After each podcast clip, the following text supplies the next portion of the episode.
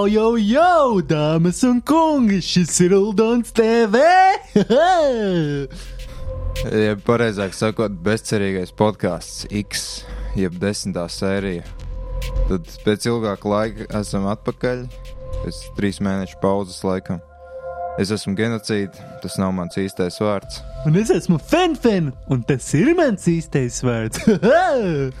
Jā, šoreiz bezcerīgo ierakstām no jaunas vietas, no kādas nabaga mājas kakta. Mums eh, knapi izvairījāmies no visādiem velokurieriem, kas te gulēja uz zemes. Muciet! Auts mauli! Parādu viņam. Ah, viņš ir vācietis, viņš nesaprot. Nu jā, nu. un Tad, ja labi uzvedīsimies un pateiksim pareizās lietas, tad uh, iespējams Ungāru filantrops, kura pirmais vārds ir Džordžs, mums no sava fonda iedos mazliet naudiņas. Jā, mums te vajag akustiku savākt šajā telpā. Nu jā, ir diezgan traģiski, diezgan ilgs reverberācijas laiks. Kā tev autobus no Getliņiem ātri atved? Nē, man bija halča viena, tepat Rīgā vajadzēja vienam tuklākam pārītim eh, aizdambējušos podu iztīrīt. Jā, nu varētu teikt, ka tagad ir ļoti bezcerīgi, ja mēs abi strādājam Getliņos, bet uh, īstenībā man ir pretējs viedoklis no Fenfen. Es beidzot esmu atradzis savu īsto lietu dzīvē. Esmu tiešām laimīgs. Kaut arī, diemžēl, īsti streikam vairs laika nav. Tad īsumā, tad, man liekas, mums vajadzētu atskaitīties, kāpēc nebija nekāda satura, kāpēc nebija podkāstu. Nu, tad mans stāsts ir tāds, ka zaudēju savu augsti atalgoto darbu. Tad uh, man uzreiz pameta sieviete, atņēma mūsu bērnu un arī lielākā daļa mana mantu. Par laimi viņi atļāva paturēt man manas spēlītes. Tad es kaut kad jūlijā sākumā gulēju zem salu tilta, tur ar šņabi pudeli rokās, pa taisno no pudeles dzēru, raudāju Daugavā. Un uh, tad mani nejauši ieraudzīja Getliņu atkritumu šķirošanas poligonu pārstāvis, un viņš mani izglāba. Uh, Vasja, jeb uh, Sūdu Lucifers, kā viņš pats sevi sauc. Uh, viņš ir tāds kā mm, pestītājs, kā mācītājs. Viņš man iemācīja ieraudzīt gaismu dzīvē, saprast, kas ir īstās vērtības. Tad es sapratu, ar kādu maitu es biju kopā, un es tagad esmu laimīgs. Kaut arī strādāju Getliņos par minimālo algu, kas man liekas ir pilnīgi ok.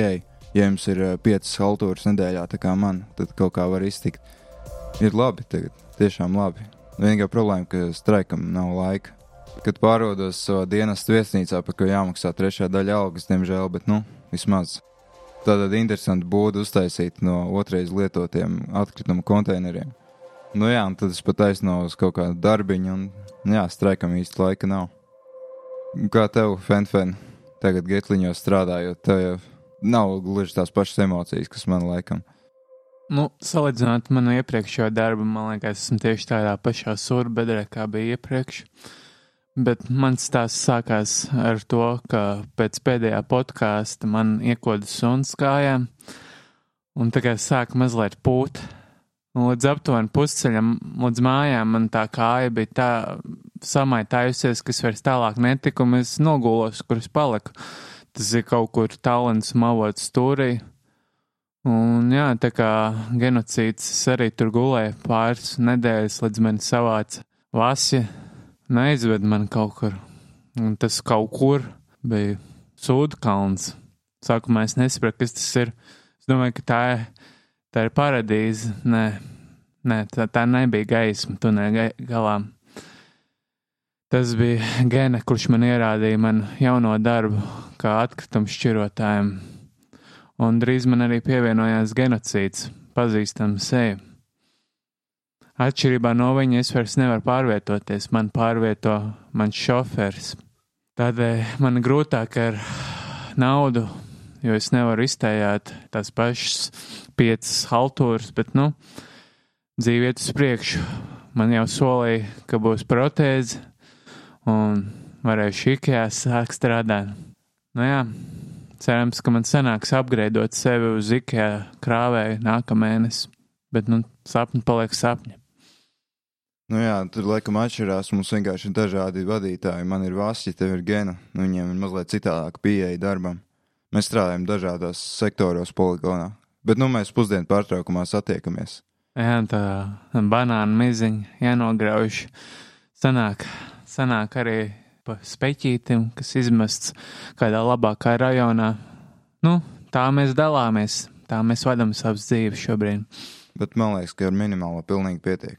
Nu, man tā kā man ir dīzels, gan arī 3 litri, nu, grūti, grūti uzturēt sevi un Audi un sievu. Man paveicās, ka ir, ka ir, ka klienti parasti palīdz ar transportu vai arī samaksā par taksi. Jo man parasti jāvada visu savu daikti līdzi, ko vajag, lai iztīrītu sifonu, trubas. Reizēs sanāk arī iztīrīt kaut ko vairāk nekā tikai trubas, ja klientei sievas nav mājās. Tāpēc, ka mēs šeit atbalstām jebkādu veidu mīlestību, vienalga starp kādiem dzimumiem. Vienalga kādiem vecumiem, tā kā man, Uldonam, draudzene ir desmit gadus jaunāka. Es domāju, ka tu man tā kā, nu, netiesās mani un manu alter ego uldīti, ka es, man patīk jaunākas meitenes. Jā, jo tas man šķiet, ka pamazām zinātnieki arī sāk atzīt, ka, nu, pedofīlija tas ir normāli īstenībā, un to vajag veicināt, nevis apspiest. Tas ir neidīpa komplekss, nekas, tas ir kaut kas pavisam jauns, kaut kas, kas radies tagad. Ir. Jā, Drošības policija! Atveriet durvis! O, laikam sūda. esam atgriezušies pēc nelielas pauzes, kuru laikā mums bija jāizskaidrojas policijai, par ko mēs te runājam, bet, nu, viss kārtībā. Es domāju, ka tagad mēs varam ķerties pie normālās programmas, kad esam atskaitījušies par patiesi reāliem notikumiem, ko tikko dzirdējāt. Tad sāksim ar to, kas ir spēlēts. Un uh, sarakstā pirmā spēle ir Gran Turismo Sport. Bū!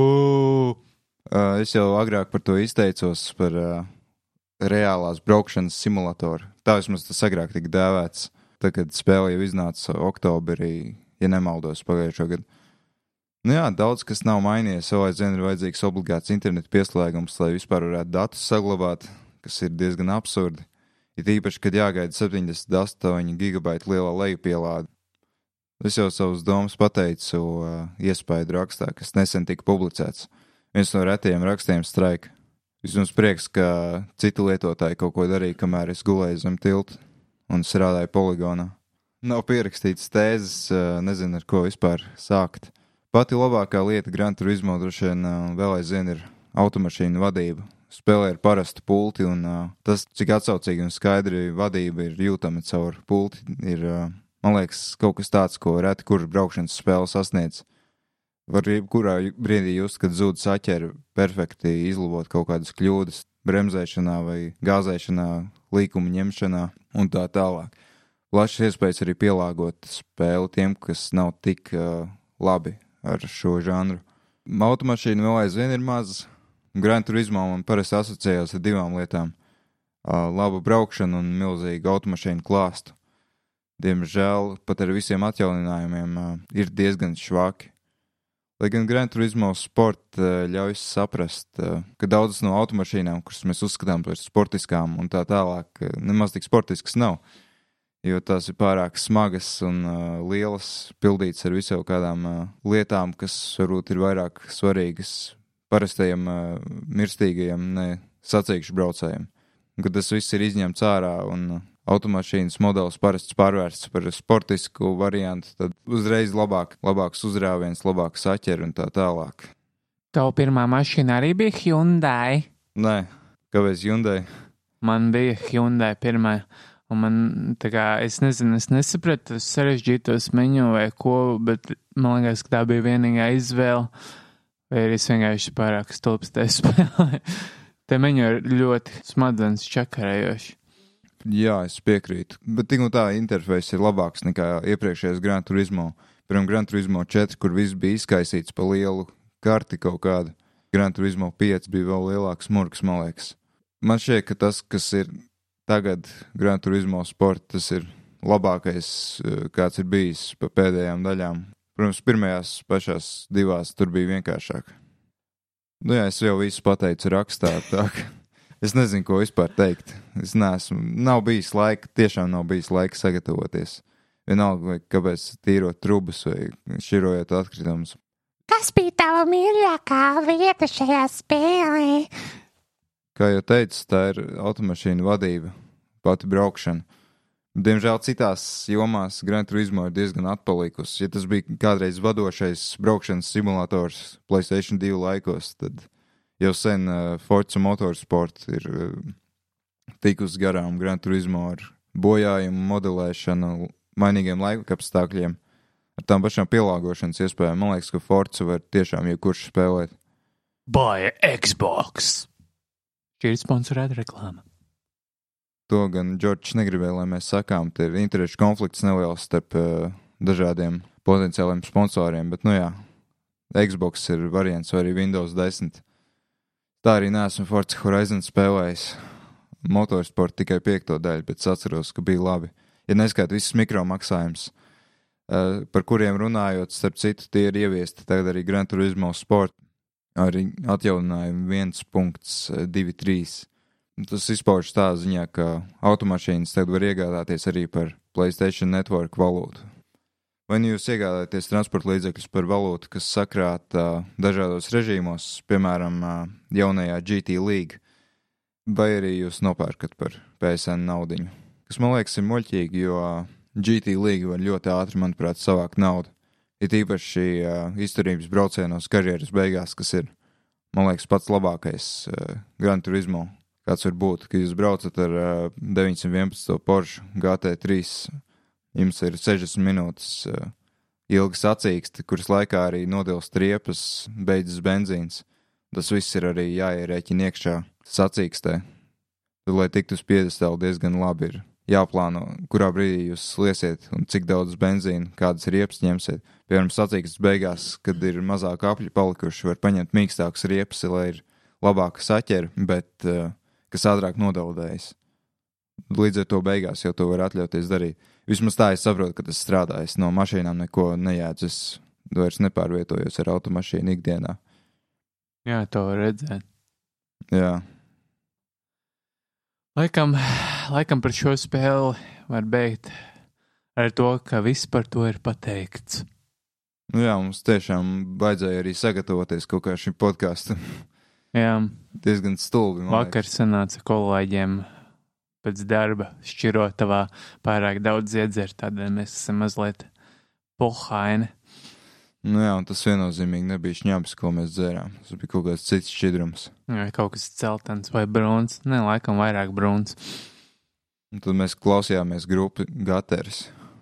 Tieši dziesma Ej, bārmeni. Tā vislabāk iet kopā ar dzeršanu, manuprāt. Jā, tajos brīžos, kad tā, mm, tas manos skaļrunis skanēja, tad baigi labi bija. Tīviši uz bējām, ka man jau vilka kaut kur. Man liekas, ka man gribēja izgriezt nieri, bet labi, ka tu atskrēji. Jā, jo es vismaz varēju paskriet. Ha, ha, ha! Jā. Kas ir mums nākamais sarakstā? Droši vien, ka Assassin's Creed Origins. Jā, Assassin's Creed Origins, tas ir tas, ko es atkārtot apskatīju, un Goodman jau sen, sen apskatīju. Cik gan reiz jau gadu atpakaļ, wow, cik ātri laiks jau skrien. Bet, nu, katrā ziņā spēlēju ļoti daudz šīs spēles. Gan arī 100 stundas, kas ir netipiski daudz. Creed sērijai parasti tās ir kaut kāds 20, 30 stundas, ja nemaldos. Bet šeit jau, nu, lai pa, pabeigtu spēli, man vajadzēja 60 jau.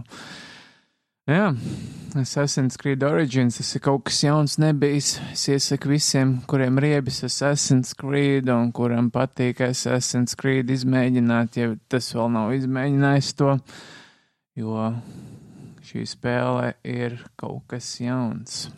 Assassin's Creed Odyssey, kas iznāks nu jau pēc diviem mēnešiem, turpinās šo jauno trendu, ko ir iesācis Origins, proti roleplaying aspekts. Man nu ļoti patīk tas, ka tu vari kačāt savus līmeņus, uzlabot ieročus, mainīt ieročus, visādas tehnikas, talantu koks, foršas lietas.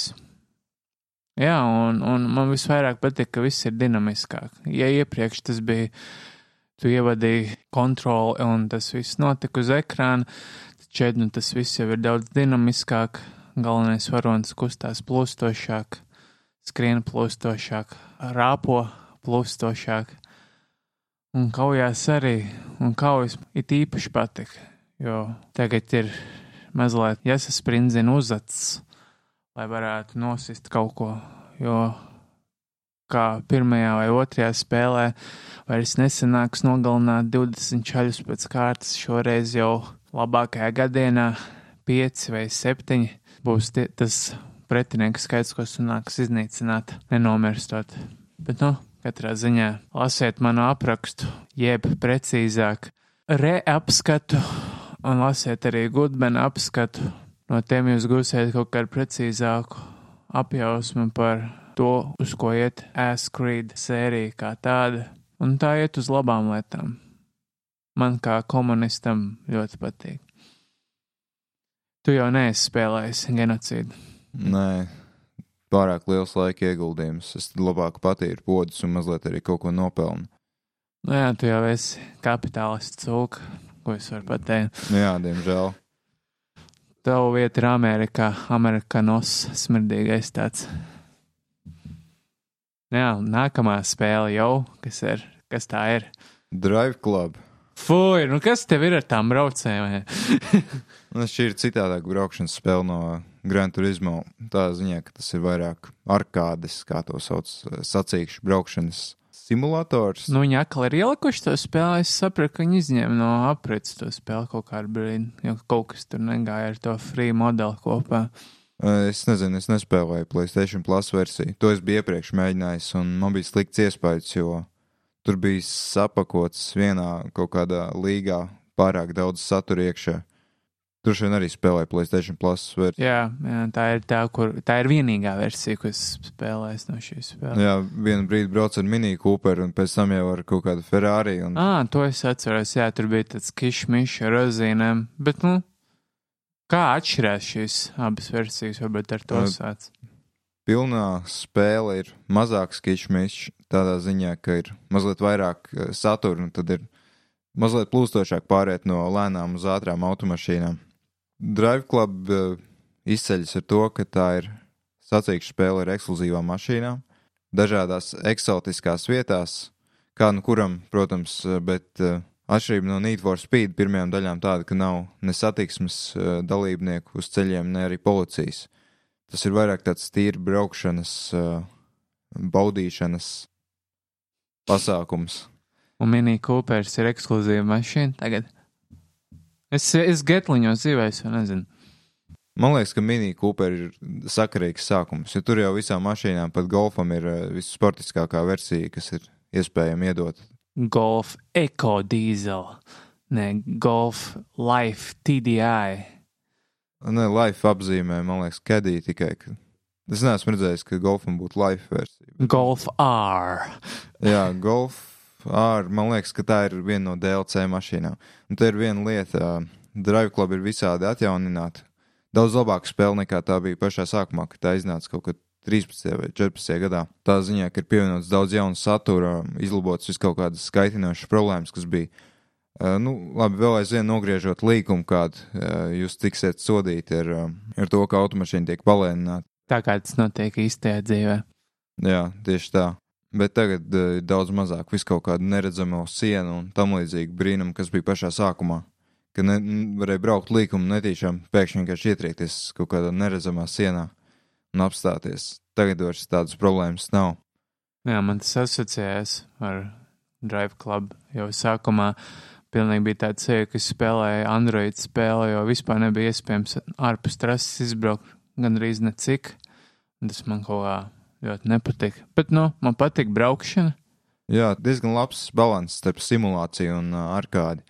Vienīgā problēma spēle darbojas 30 kadriem sekundēm, kas nav nekas pārsteidzošs, jo izskatās vienkārši satriecoši. Visas tās ainavas, dabas skati. Es neesmu redzējis vēl nevienu braukšanas spēli, kas tik labi atainotu. Piemēram, Skotijas kalnus vai Japānas uh, sakuras ziedošās un Kanādas kalnus un mežus. Nu, pārsvarā visas trases kaut kur mežos vai kalnos un pie ezeriem. Oi, Norvēģijas fjordi arī tas ir skaisti. Cik tur ir aptuveni lokācijas vai trases vai kā viņi to Ir, sauc? ja nemaldos, pieci dažādi reģioni, kas ir atkal sadalīti sīkākās trasēs. Ir gan no punkta līdz punktam, gan arī apļu sacīkstes. Un man šķiet, ka braukšanas ziņā Drive Club vislabāk strādā kā tāda hot lap eh, padarīšana, jo vislielākā bauda ir vienkārši braukt, izbraukt vienu apli, sasniegt vienu rezultātu, tad braukt nākamo, sasniegt vēl labāku, ar katru reizi ar vien uzlabojot savu sniegumu. Jā, Un tas un beigās uzvērt uz tas, kuram vislabākais apilaiks. Spēlē ir pamatīgi sociālie aspekti, ko es neizmantoju, kaut arī esmu sociālists, eh, kapitālists. Ir tā, ka var pēc tam redzēt, salīdzināt savu sniegumu ar eh, draugiem. Bija interesanti cīnīties ar Kornīvski, sazlīdzināt laikus ar citiem eh, braucējiem, kas man ir PSN draugu sarakstā. Nu jā, tas ir viens no veidiem, kā var nospraust sev kaut kādu mērķi, iekļūt, piemēram, labāko tūkstošu braucēju sarakstā. Bet uh, citā ziņā Drive Club man liekas, ka nedaudz izgājušas kā braukšanas spēle, vismaz manā skatījumā. Trases ir šauras, ļoti ātri braukšana, ļoti laba ātruma izjūta. Tie atkal ir mīnus, tas ir 30 gadi sekundē. Mm, Bet, kad trase ir piebāzta ar 12 braucējiem un mākslīgā intelekta jāmēģina kaut kā izbraukties, nav jautri. Tur ir tāda kā kampaņa vispār, vai ka, ka, ka, kas tur vispār notiek? Nē, ir uh, vairākas tādas kā līgas. Piemēram, ir viena, kas ir uh, pieejama jau no paša sākuma. Būtībā progress Drive Club strādā tā, jūs sasniedzat kaut kādus nospraustos mērķus spēles, piemēram, izbraukt apli tādā un tādā ātrumā, vai uh, izpildīt kādu no mazajiem pārbaudījumiem, ko spēle ik pa laikam iemet iekšā, lai ir interesantāk. Eh, Pārbaudījumi izpaužas tā, ka jūs braucat pa trasi, un pēkšņi parādās kaut kāda zona, piemēram, kur ir jāmēģina sasniegt eh, vidējais ātrums virs uh, noteiktā laika vai salīdzinājumā ar kādu citu PSN lietotāju. Vai, piemēram, jādrifto un jāsavāc drifta punkti noteiktā daudzumā, kas man liekas galīgi garām. Jo drifts parasti nav labākā metode, kā izņemt līgumus, ir daudz efektīvāki risinājumi. Bet, nu labi, tas tur ir kā piemērs. Nu, tad, attiecīgi, vācam zvaigznītes un savācot noteiktu skaitu, atslēdzam tālākus posmus čempionātā. Ir iespējams arī kaut kādas, piemēram, ja nepatīk drifta pasākumi, tos var izlaist. Tā vietā mēģinot savākt punktus vajadzīgos citās disciplīnās, kas parasti ir vai nu tās pašas apļu sacīkstes uz laiku, vai arī pret uh, ienaidniekiem, nē, citiem braucējiem. Pie braukšanas jāpierod. Eh, Pašā sākumā spēle uzliek bremzēšanas asistentu, kas varbūt tev rada tās asociācijas ar Android spēli kaut kādu. Ka brauc līkumu mašīna pati bremzē, piemēram. Nu, Android spēlē vienā Need for Speedā. Viss, kas tev ir jādara, ir vienkārši jāsvaipo uz to pusi, uz kuru iet līkums. Un viss. tāpēc brauc vienkārši uz priekšu un spied nitro pogu, kā tas kaut ko vajag mainīt tavā dzīvē. Nu jā, man asociējas Android braukšanas ar to, ka ik pa laikam jānospiež bremžu pedāls, lai izdriftotu līkumu. Nu jā, bet, kad atslēdz visus asistentus, tad ir diezgan labi. Bet uh, kaut kad vēlāk Drive Club pievienoja arī simulācijas uh, režīmu, kas man gan liekas, ka galīgi garām, jo pirmkārt tas ir pārāk pārspīlēti brutāls. Jau tā nevar normāli nobremzēt, eh, bremzēm nenobloķējoties. Varētu padomāt, ka automašīnām vairs nav ABS vai kaut kas tam līdzīgs Drive Club. Nu, ļoti kaut kā savādi tā bremzēšana man šķiet. Bet es neesmu eksperts, atkal, ko es vispār zinu. Bet bija jāpierod. Bet tad, kad uzķer sajūtu kontrolēm, vadībai, tad, tad ļoti baudām spēli. Tas, ko es gribēju vēl teikt, liels mīnus ir visur iebāztais maksas saturs. Jau palaižot spēli, pirmais kadrs, ko mēs redzam, ievadu video, ir Yamaha R1 motocikls. Superbikes, viens no zināmākajiem savā jomā. Un tad arī ir parādījusies sadaļa Drive Club Bikes. Diemžēl to izvēloties, secinām, ka ir jāiegādājas par 15 mārciņām maksas papildinājums, kas nav daļa no season pass. Un tu to iegādājies? Nē, tāpēc, ka es pašu spēli dabūju par aptuveni 5 eiro laikam. Toreiz, kad es nopirku Playstation 4 no tevis, tad es arī pasūtīju internetā par dažām mārciņām Drive Club lietot. Man liekas, ka arī vairāk nevajadzētu maksāt, jo ļoti daudz satura ir aiz maksas sienas. Un interesanti ir tas, ka vairākas līgas ir bezmaksas. Bet tās neparādās kā bezmaksas. Ir pašam jāaiziet uz Playstation Store un jāatrod Drive Club uh, maksas satura sadaļā bezmaksas papildinājumu, ko var lejupielādēt. Ļoti liela daļa satura Drive Club šķiet kā reklāma.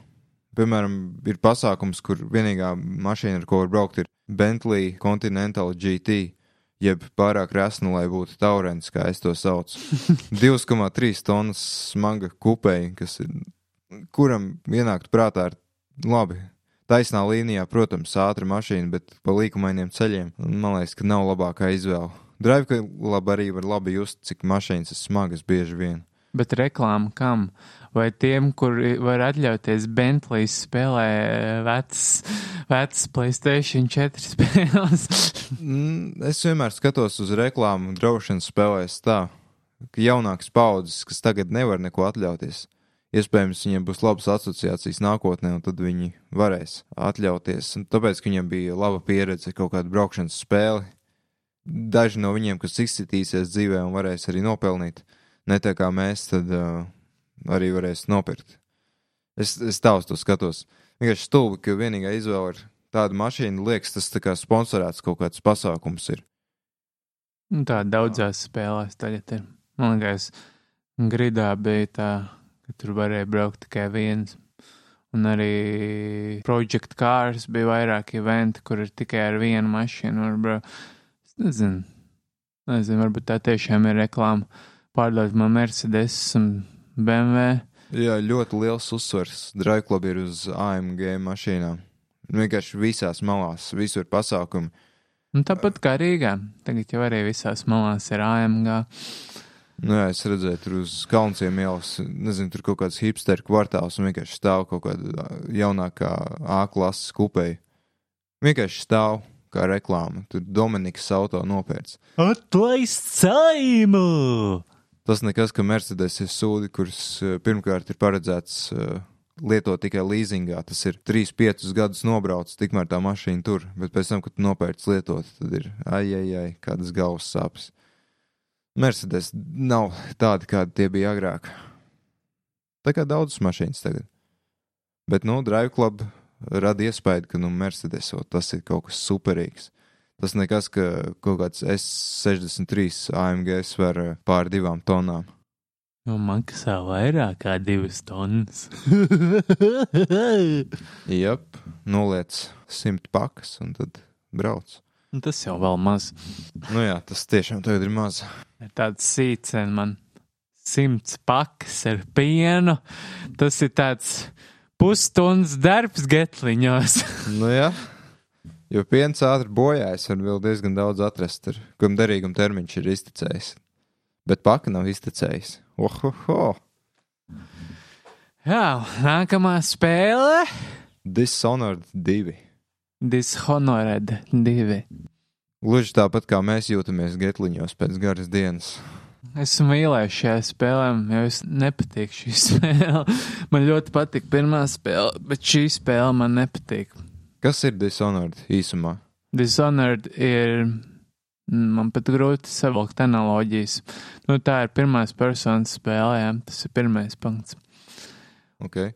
Otrais punkts ir tas, ka tu skrien pa pasauli. Labi, es neteiktu, ka tā ir open world spēle, bet tā arī nav gluži superlineāra spēle. Nu, vismaz reālās norises ziņā. Bet, lai arī stāsts ir superlineārs, tu vari staigāt turp, atpakaļ, pa kreisi, pa labi, kā vien tev iepatikās. Un treškārt, šī tiek pozicionēta kā lavīšanās spēle. Tiek pozicionēta, bet īstenībā nav. Nē, tu arī, arī iet un šaut visus un durt visus, tā kā nelavoties, tā ir tava izvēle. Ah, kā Deus Ex. Jā, kā Devils Ex, bet atšķirībā no Devils Ex šīs vairāk, nu, tā kā visas tās spējas un, un, un, un jā, starp citu šeit ir spējas, tā kā tas viss supernatural un notiek iedomu pasaulē. Jā, un tā kā visas tās spējas un visas tie reklāmas rullīši un vispār viss, viss, viss, kas šeit, nu, tajā spēlē tas stāsts, viss tiek tā kā pasniegts, ka tev būtu jālavās, ka tev ir jāpārvēršās par žurku, jālec ar visādām maģijām no vienas sienas uz otru sienu, tā lai tevi nepamanītu. Un tādēļ es saku, ka šī spēle tā kā tiek pozicionēta kā lavīšanās spēle ar supernatural piegaršu. Bet ir dažādi veidi, kā pabeigt uzdevumus, cik saprotu. Jā, ejot un šaujot visus, ietekmējās pasauli no tavām darbībām, paceļās tā saucamais kēs metrs. Kēs? Haosa. Čaus, jā. Ah, jā. Uh, un jo vairāk tu slepko, jo tumšāk paliek pasaule apkārt, cilvēki tā kā slimo un vispār tā paleta nomainās tumšāk, bet jo klusāk tu staigā un mazāk tu slepko, jo gaišāk pasaule ir. Es gan nezinu, kā tas ietekmē iznākumu visam pasākumam, jo es visas spēles parasti spēlēju laboties, kā mazs ebreju baņķieris riņķī. Bet, nu, Rabīns Huds. Jā, Rabīns Huds. Varbūt tu pastāsti savu to joku. Nē, nē, nē, nē. Tas pārāk uh, nepoliti korekts. jā. Nē, gribētu pateikt, liela jaunuma ir Izraela. Tagad ir ebreju nacionālā valsts, un ivrits ir oficiāla valoda. Tā ka visi tie arābi, kas met ar akmeņiem un kaut ko raud par savu neatkarību, tiesībām un okupētajām zemēm, viņi tagad ir vēl zemāki par sūdu pie tupeles, kas pielips. Tagad tam vajadzētu būt. Jā, Es ceru, ka es pareizi pateicu. Jā. viņi var atsūkāt lielu šniceli. Nē, Šmekeli, šmekalē. pat nedodot viņiem vienu šekeli. Nu jā, atgriežoties pie Dishonored 2. Es esmu mīlējis šajā spēlē, tajā ziņā, ka man negribēs to spēlēt. Ja pirmā man ierāva sevi ar visu stāstu norisi un, un, un visu, visu šī spēle tā kā liekas mazliet sasteigta. Kaut kas nav pabeigts tur. Tā kā mums laužās pie durvīm, tur genocīds nolika. Es stulbi vēl, kur ir Jā. smirt pēc sviedriem, Mm. bet ne pēc atkritumiem, tā kā mēs. Jā, atkritam smakra labāk kā sastājušies sviedri. Mm. Mm -mm. Un kāda vispār noskaņa ir pār... atvainojos, ka pārtraucu kaut kādu domu, kas tev bija. Noskaņa, tāpat kā pirmajā spēlē, ir diezgan drūma, jo viss mirst, ir tāda veselības sajūta kuņģī. Bet pirmajā, man liekas, bija daudz lielāka tā bezcerības, jo šajā visi galvenie varoņi netiek noslapkoti jau pirmajā ainā, tad uh, ir vēl kaut kāda cerība. Es gan nezinu, kas tur notiek, jo es esmu aptuveni 30% no spēles tikai izgājis. Esmu apstājies vienā vietā, jo man vienkārši nav motivācijas turpināt. Es jūtos, ka es ēstu uh, ne, līdz galam neizceptu lašu steiku vai neuzsildītus vakardienas makaronus. Nu, tāda sajūta, ka kaut kas nav, kaut kas trūks, nav tā noslīpētība, kāda bija pirmajā spēlē. Tā kā varbūt Arkane Studios, kas ir šīs spēles izstrādātāji, un nejaukt lūdzu ar Bethesda, kas ir izplatītājs, tad uh, man liekas, ka vai nu tur ir ieteikumi no Zenimax, kas ir lielā mātes kompānija, bet TSD vai arī vienkārši paši ar Keinu ir mazliet palaidušies, jo kaut kas tur nav. Kaut kur var pārkāpt pāri, kur nevajadzētu pārkāpt pāri, jo nav neredzamās sienas. Varbūt daži teiks, ka tā ir laba lieta, bet es teikšu, ka tā ir slikta lieta, jo tur uzkāpt tādās vietās, kur acīm redzam, tev nevajadzētu uzkāpt. Tas izpaužas tā, ka tu, piemēram, salauz kaut kādu programmu uzdevumam kādam. Kaut kas notiek agrāk nekā tam būtu jānotiek, vai Nē, ne tā, bet es varu uzkāpt, nu, pārkāpt tādām vietām, kurām nevajadzētu pārkāpt. Es tā kā varu, nu, tā kā, teiksim, Mario 64, es varu skipot reālas zonas. Un tā arī šeit vienkārši pārlācu pāri, un man aiz muguras kaut kas tur paliek, nu, kaut kāds site quests vai kaut kāda cita figiņa, kas būtu interesanti atklāt, bet, nu, labi. Un šeit arī tas, ka ir tik ļoti viss izkaisīts visur, ka ir tik daudz ko darīt, ir site quests tur, site quests tur, tas un- unlockables tur, unlockables tur, tad es pat nezinu, kur ir tas fokus, kā, kā fo ja iepriekšējā spēlē bija viens vai divi, vienā tajā steidžā, tad šajā ir pieci. Un visi visās pusēs. Es varu iet, es varu neiet, un nav pa ceļam galīgi. Man jāmeklē, un man tas nepatīk. Nu, tā kā es nezinu, man man patīk tas actions šajā spēlē. Šīs spēles tā kā būtība ir actions, nevis tas explorations. Jo, kā jau es teicu, šī nav īsta open world spēle, tāpēc arī tam explorationam ir ļoti otršķirīga nozīme. Tā kā būtu labākie, tā kā būtu lielāks fokus uz to pašu darbību, bet šajā spēlē tas nav. Pirmajā bija. Izdariet secinājumus paši. Nē, es neteiktu, ka šī spēle ir slikta. Šoreiz pārmaiņu pēc var spēlēt ā, ar diviem varoņiem. Sākumā tu vari izvēlēties starp pirmās spēles galveno varoni Korvā, A- Antāno, Atāno, Atāno. Nu, karoči, ka Korvā vai arī viņa meitu. Ah, spoiler, spoiler no pirmās spēles. Neklausieties šo sadaļu, jūs esat- neesat spēlējuši pirmo spēli, kas iznāca gan arī pirms astoņiem gadiem. Bet, nu, labi, katrā ziņā, jā, tu vari spēlēt kā korvā vai viņa meita, un tu sākumā izvēlēs, kas tur izmainās galu galā, balstoties uz varoņu izvēli. Es nezinu, bet izvēloties vai nu, vai, o- vai nu vienu vai nu otru varoni, tur izmantot atšķirīgu spēju klāstu. Spējas tā kā ir īpašā lieta šajā spēlē, kas arī ir tas selling points, gimiks galvenais. Sauciet, kā to gribat. Tā kā var pārvērsties kā žurka, kā jau es teicu, izlīst caur šaurām vietām, kļūt neredzams, lekt ļoti tālu. Nu, labi, tā ir teleportācija pēc idejas. Bet, nu, labi, jā. Un Visas spēles būtība ir, ka tu kaut ko atriebi, tāpat kā pirmajā spēlē. Tu tā kā atgriez pasauli dabiskajā kārtībā. Kā tu to dari? Slepkavot nevainīgus cilvēkus vai tieši otrādi, darot to pēc iespējas neletālāk un neredzamāk, cik vien iespējams, tā ir tava izvēle. Katrā ziņā kaut kas tur nav.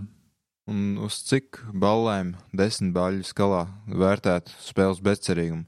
Vai tā ir bezcerīgāk par šo podkāstu? Tā kā bezcerīgi, sūdīgi vai bezcerīgi. Es domāju, atmosfēras ziņā teica, ka ļoti bezcerīgi. Bezcerīgi. Pats stāsts nav tik bezcerīgs, tādēļ es to vērtētu ar seši, bet tā kā viss pārējā pasaule liekas diezgan brutāli, tad kopumā izvēlkot vidējo, es dotu kaut kur ap astoņi. O, nu tas ir. Tas ir normāli, jā. Tā kā Jā. ja šis podkāsts ir diezgan spēcīgs desmitnieks, tad jā. Normālā baļu skalā tas būtu divi no desmit laikam. jā. Nu jā, mums tas viss ir diametrāli. Jā, padod man to samagonu.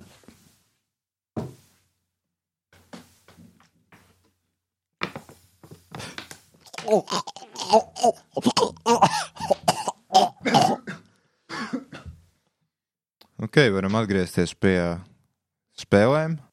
Jā, tā kā tu man beidz waterboardot.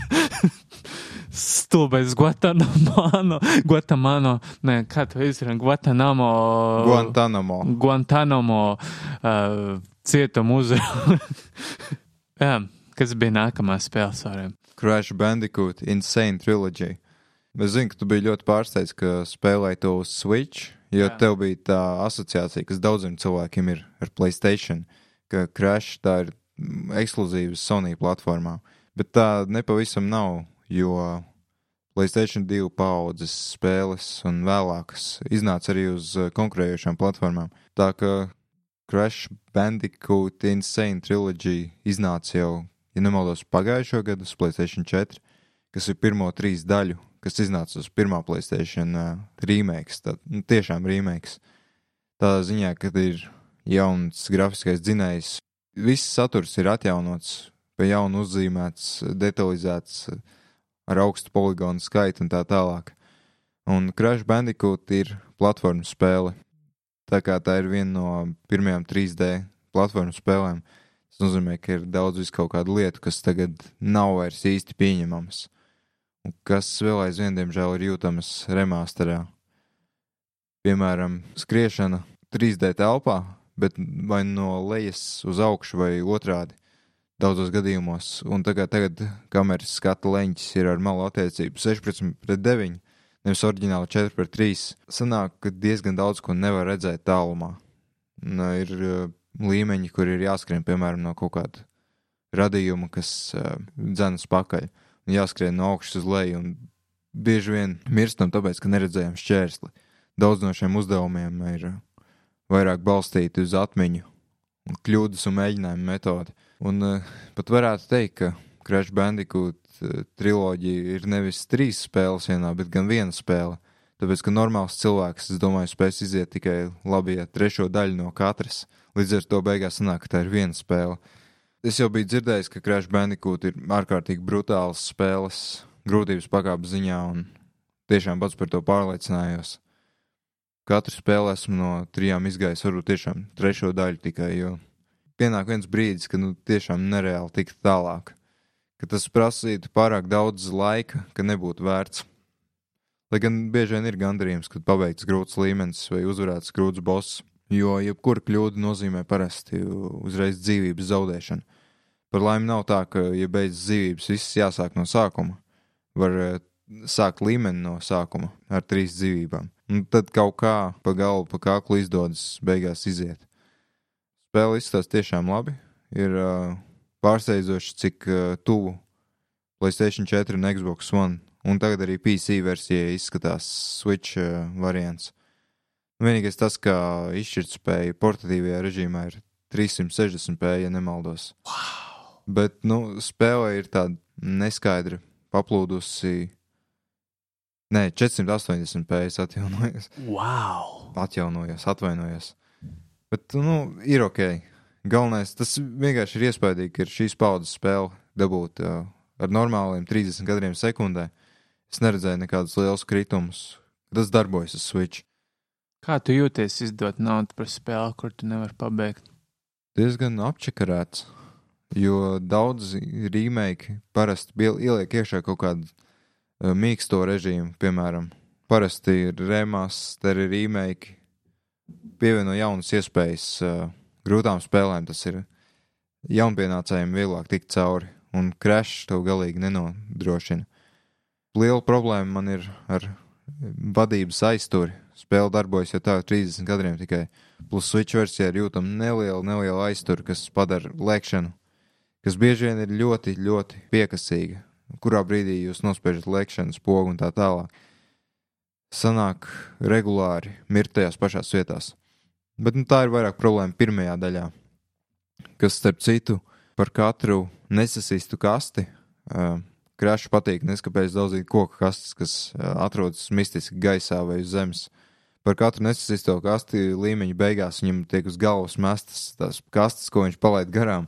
Pamazām uh, arvien zemāk noplokot tam uh, radījumam. Es nezinu, kā bandikūtu latviski sauc. Nu, kaut kāds labšveidīgais brīnums. Un, jā, diezgan brutāls, kaut kāds sadisms no izstrādātāja puses, bet, nu, Man liekas, ka viņi tev vienkārši bāž sejā, cik tu kastes ne, nesadauzīja līmeņa gaitā. Jā, spēle jau tā liek uh, justies slikti par sevi. Parāda, cik es esmu nožēlojams spēlētājs, un tad vēl pēc tam kastes uzmet uz galvas. Bet, nu, pirmā spēle, jā, ir tāda, kāda ir. Kā jau daudzām sērijām, pirmās daļas. Otrā Crash Bandicoot daļa jau ir labāka. Tā ziņā, ka ir centrālā pasaule, kas ir sadalīta vairākos stāvos, un var brīvi izvēlēties, kurus līmeņus jūs vēlaties spēlēt. Diemžēl, atšķirībā no Drive Club, nav nekādas zvaigznīšu sistēmas, nekādas valūtas, kas ir jāsak jāsakrāj, lai tiktu tālāk. Līdz ar to jūs varat izvēlēties, kādā secībā pabeigt līmeņus, bet, ja jūs nespējat ar kādu tikt galā, jūs netiekat vienkārši tālāk, un viss. Kas ir arī, man liekas, vēl viena lieta, ko varēja labot.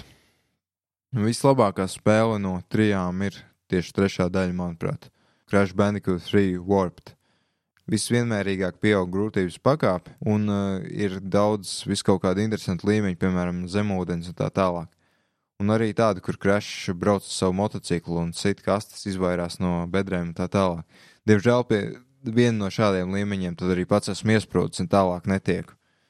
Nu jā, tad es domāju, ko darīt ar to spēli. 35 eiro samaksāju. Droši vien, ka jāpārdod tālāk. Būs žēl cilvēku, protams, kurš nopirks. Cerams, ka viņš nesalauzīs savu switch aiz uh, dusmām. Tev tā kā nerodās tāds sajūta, ka Switch ir platforma priekš vecām spēlēm, pārizdošanas ziņā, jo tur viss tiek izdots Skyrims, Diablo 3, Crash Bandicoot, visas Mario Kart, nu labi, Mario Kart, kurš tur astoties, vai kurš. Nu jā, kas uz Wii U iznāca iepriekš. Tur praktiski visas spēles tiek atkal pārizdotas uz Switch. Un es saprotu, varbūt tā pārnēsājamība, bet te pašā laikā visas šīs spēles ir pieejamas uz labākām platformām. Nu jā, bet no otras puses skatoties, es, piemēram, tā arī nekad neesmu Skyrim spēlējis. Un, ja es sāktu, tad es droši vien paņemtu Switch versiju. Tieši tā iemesla dēļ, ka es varu gulēt vienalga savā nabaga mājā, vēmekļos un spēlēt, vai arī pusdienu pārtraukumā, getliņos. Ir vienkārši ir fleksiblas iespējas, kā. Nu jā, vai ja tu neesi, vai nu tu esi piedzimis pēdējos piecos gados, vai arī vispār nesago mainstream spēļu trendiem, tad jā, tā laikam. Jā, tas esmu es. Tad, tad laikam, jā, Switch versijas ir labais. Bet, nu, patīkami pārmaiņa ir Doom Eternal, ko mēģinās vienlaikus izlaist arī uz Switch. Tā arī strādās tikpat gandrīz labi kā Doom. Droši vien, ka būs pat vēl zemāka izšķirtspēja, jo viņi spiedīs savu sarežģītākus grafiskus efektus. Tas jau notika ar Wolfenstein 2 portu uz Switch, kur vēl lielāka miglas bilde ir nekā Dooms. Bet, nu, vispār tas ir iespaidīgi, ka viņi kaut ko tādu dabūja. Jautājums, eh, vai tiešām tas ir labākais veids, kā spēlēt? Es domāju, ka nē. Nu, uz Texas instrumentu kal- kalkulatoriem arī visādas spēles savulaik portē. Tā kā tas ir tā ir pašs iespējīgums, vai ir tur kaut kāds cits prikals. Man, man liekas, ka arī Eternal varēs normāli paspēlēt. Tāpat kā Crash Bandicoot. Nu jā, 30 kadri, bet vismaz es varu spēlēt. Cilvēkiem, kuriem nav laika tāpat nosēsties pie televizora un uzspēlēt, viņi var atrast laiku beidzot ar šādiem switch portiem. Turpinot ar spēli, kas nekad neiznāks uz citas platformas, kā vien uz Playstation 4, Detroit Become Human. Jā, man kaut kā sanāca dabūt šo spēli. Jā. Ah, tā atradīja starp atkritumiem. Jā, tur kāds bija izmetis laikam. Lohs. Jā. Man bija tā laime, neilgi pirms es dabūju šo spēli, pamēģināju pirmo Quantic Dream brīnumu. Fahrenheit. Nē, nē, nē, nē, nu labi, es pārteicu, es aizmirsu to sūdu. Bet He jā, heavy Rain. Heavy Rain, jā. Tā- Jason! Jason! Jason! Press X to Jason!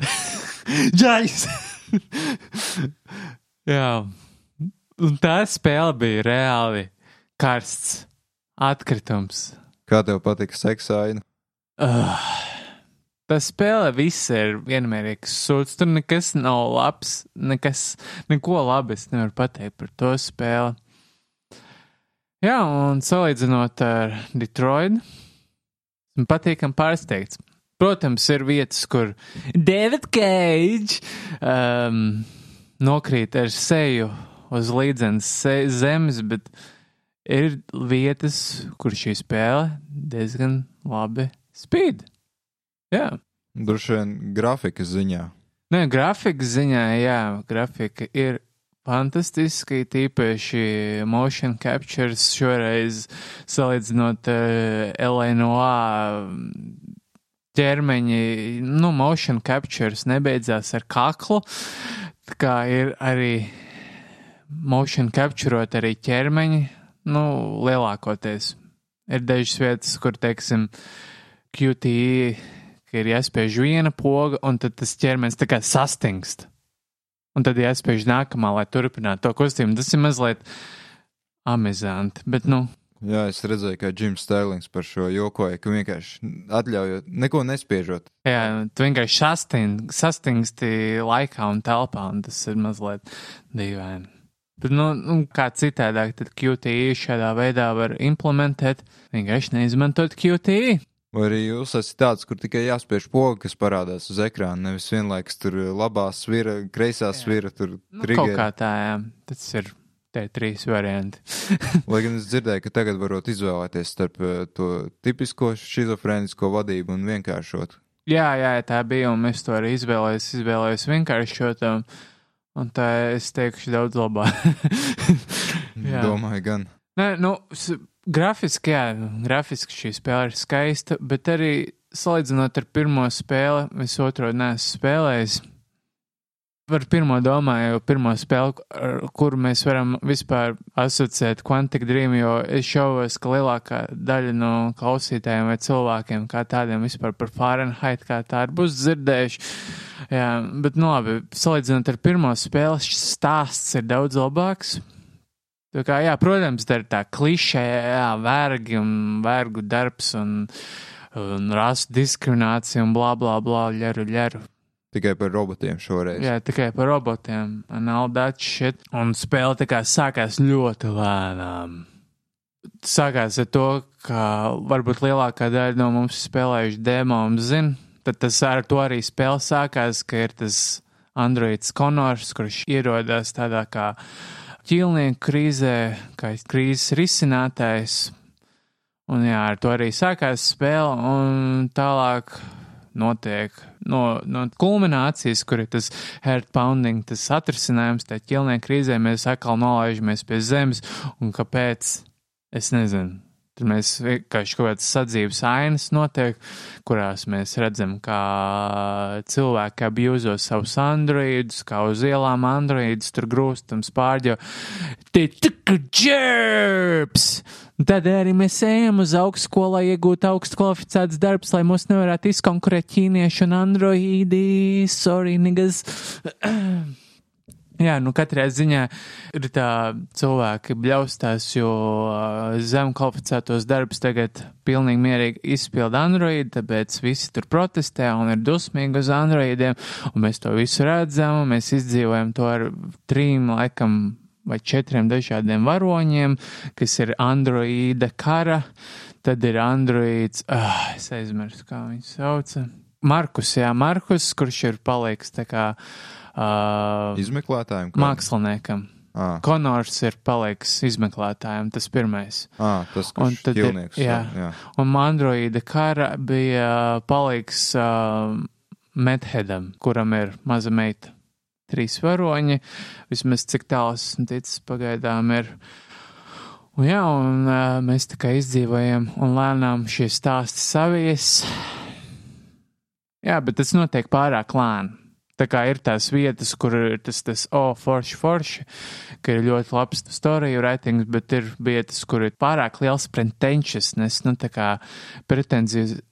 Retenciozitāte, Jā, zums. nu, jā nu, nu var redzēt to David Cage uh, personību uh, režijā un tajā rakstībā, jo, nu, es nezinu. Bez tā varēja iztikt, bez tās tīri, nu, bez trauku mazgāšanas varēja iztikt. jā, es sapratu, ka tur ļoti daudz vienkārši kaut kāda ikdienas mēsla jā, jādara. jā, nu tas, es nezinu, nu, varbūt viņam nebija ko pateikt, lai varētu to spēli izstiept pēc iespējas garumā. Varbūt varēja to visu izmest ārā un iepīt vairāk ā, interesantas lietas. Un tas ir tas pagaidām, cik esmu ticis, tā ir tā man galvenā, tā, nu, tas graips ar šo spēli. Es kopumā spēli vērtētu ar labi. Es esmu pārsteigts, jo es biju pēc pirmās spēles. es, biju, es tā kā negaidīju neko pat diši spīdoši. Tā kā savā laikā Heavy Rain bija, oh! Bet tagad, oh! Fui! Nu, tā kā gan grafiski, gan stāsta ziņā, gan viss pirmajā spēlē ir pilnīgi sūds. Bet šī spēle man tā kā pārsteidza. Tā kā sākumā, pirms es nebiju spēlējis Heavy Rain, es gaidīju, ka būs forši, un īsti arī nepieveļ. Kā pirms Heavy Rain, tā arī pēc Heavy Rain šī spēle nepieveļ, cik es esmu pagaidām tālu ticis, jo tagad tas tās tā kā sāk risināties un diezgan interesanti. Tā kā, lai nebojātu nevienam neko, es teikšu, ka ir visai interesanti. sapratu, ka diezgan liela kritika daudziem ir par to, ka Deivids Keits uh, savām dilemmām pieiet ļoti raupi kaut kā. Tu domā, bināri tikai ir bad, good, nu tā kā tu arī labs risinājums vai slikts risinājums. Vai kā? Jā, arī. Nu, tur ir, jā, spēlējot ar dažādiem varoņiem, tā kā heavy reinā tu pabeidz ar vienu varoni, tad ir sekvences beigas, un tad parādās tā kā tāds, nu, flowcharts.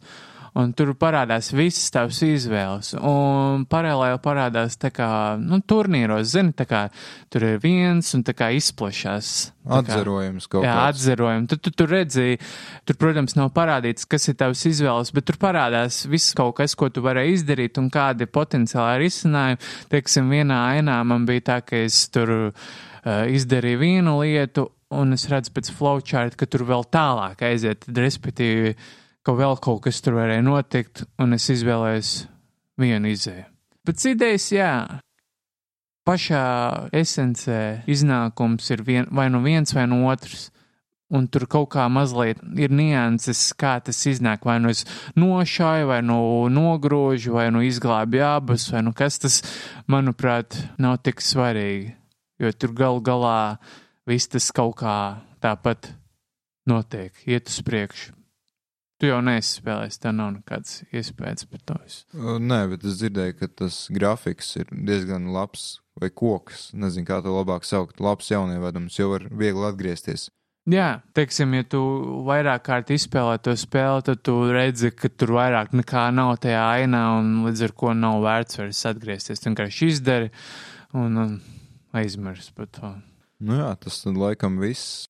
Pagaidām viss es izspēlēšu vienu vai divas vai trīs vai 60 reizes, un varbūt sniegšu kaut kādu savu detalizētu pārspriedumu vēlāk saitām. Secīgu pārskatu, jeb apskatu. Oh, Apskatu vai neko. Jā, tas nebūs apskats in progress, kā tagad patīk piesāņot saitiem. O, apskats progresā, vau, mums nav ko rakstīt. Šodien mēs ieliksim kaut kādu pusiscept sūdu. Nu, Problēma tāda, ka izdevēji bieži vien uh, iedod ļoti vēlu spēļu apskata kopijas, un embargo ir, nezinu, dienu dienā ar embargo iedod bez mazai, kad spēle jau var aiziet veikalos nopirkt. Tas, man liekas, bija ar Mafiju 3 šāds gadījums, ja nemaldos. Daudzām spēlēm tā ir. Um, kā nevar atsaukt prātā, bet bija viena spēle, kur es gribēju, un embargo tieši beidzās relīzes dienā. Bet es tāpat nopirku relīzes dienā, jo, jā, es izlasīju review, kas arī iznāca relīzes dienā.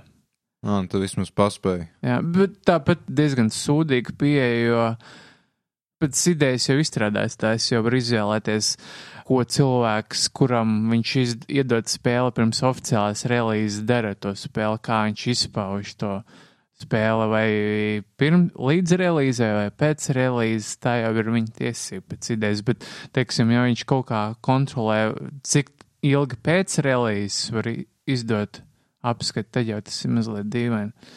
Nu jā, tas ir tā jau senā praksa, man liekas, ka kino nozarē arī, ka recenzijas parādās tikai pēc tam, kad filma ir jā. iznākusi. Nu, tas, saprotams, tas intelektuālais īpašums, tā kā neviens jau negribētu, lai tavs. Nu, tas parasti vienkārši asociējas ar to, ka izdevējs nav pārliecināts savā produktā. Ne, nu, arī, arī tā lieta, un arī, kā jau es teicu, intelektuālā īpašuma tiesības. Varbūt viņi pārāk pieeja tam visam ļoti principiāli, par ko es šaubos mūsdienu kapitalistiskajā pasaulē. Lai dzīvo naudas dievs. Tagad ķeramies pie jaunumiem. Pirmais, kas man sarakstā ir pierakstīts, uh, FIFA fans neapzināti iztērēja 16,000, kas ir viens no retajiem jaunuma rakstiem, kas straika parādījās, ko es saņēmu vispār uzbliest. Stāsts tāds, ka ir režīms FIFA spēlēs, ko sauc FIFA Ultimate Team. Neiedziļinoties niansēs, viens no veidiem, kā uzlabot savu sniegumu, tur ir iegādāties kāršu pakas. Un viens cilvēks Anglijā gribēja pierādīt uh, hipotēzi, labi, hipotēzi tas ir pārāk zinātniski, pieņēmumu, kas valda sabiedrībā, ka FIFA Ultimate Team krāpjas, apzināti padarot lietas grūtākas, lai uh, veicinātu uh, mikromaksājumu patēriņu, lai pirktu kartītes katrā ziņā. Un tad viņš nosūtīja dienā, kad uh, kaut kā piektais maijs, vai kas tas bija, kad tā vispārējā Eiropas datu aizsardzības regula vai kaut kas tāds parā, nāca spēkā. Viņš nosūtīja ieeju pieprasījumu par saviem privātiem datiem, kas ir uzņēmuma rīcībā. Un mēnesis vēlāk viņš arī saņēma. Tur bija galvenokārt uh, PDF faili ar visiem viņa pirkumiem. un uh, balss ieraksti, jo nu, viņš bija sazinājies divu gadu laikā ar IEA palīdzības dienestu. Izrādās, ka tādas lietas viņi pat uzglabāja ilgāk par gadu. Bet, nu jā, un tur viņš uh, sev pa brīnumu atklāja, ka ir iztērējis vairāk nekā 10 tūkstošus uh, dolāru vienkārši pērkot, un beigās pat viņš secināja, ka ir pateicis apjoms tuvāks 16 tūkstošiem, pār 16 tūkstošu dolāriem. Um, Tas viss divu gadu laikā. Viņš pats spēlēja katru dienu FIFA Ultimate Team no pusstundas līdz sešām. Atkarībā cik daudz brīva laika ir. kaut kā parāda to, ka, man liekas, Britiem par daudz maksā. Kā var iztērēt 16,000 sūdu spēlēm? Nu, viņš apgalvoja, ka viņam esot daudz brīvu līdzekļu, vai kaut kas neveselīgs brīvo līdzekļu apjoms.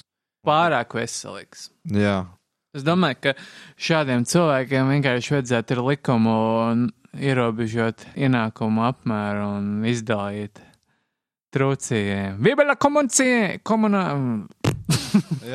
Es arī pats esmu stulbs mietpilsonis, es pilnīgi, es tikai atbalstu, ka valdība iejaucas manā privātajā dzīvē un saka, kas man jādara. Domāju, ka vajadzētu pārdalīt mūsu ienākumus visiem līdzvērtīgi. Vairāk jau partijai vajag naudu.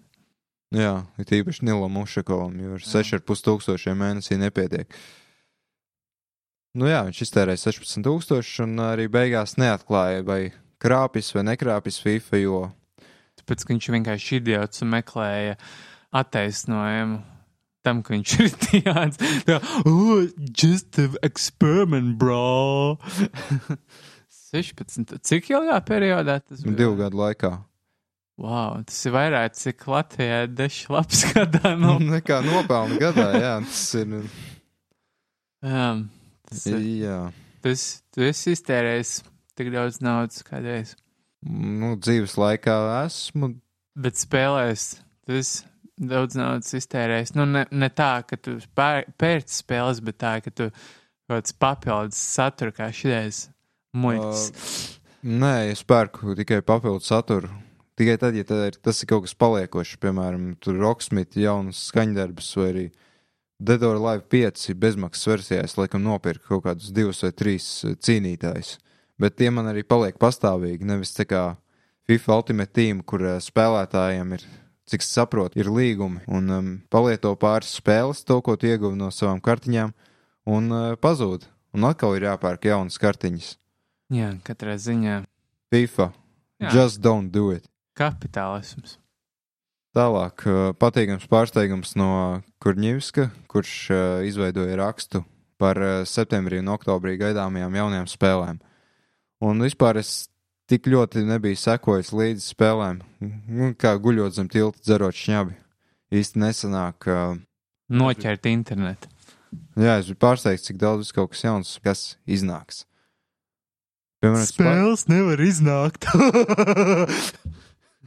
tikai no manas Tikai no manas kooperatīvās dirsas. Teicījai.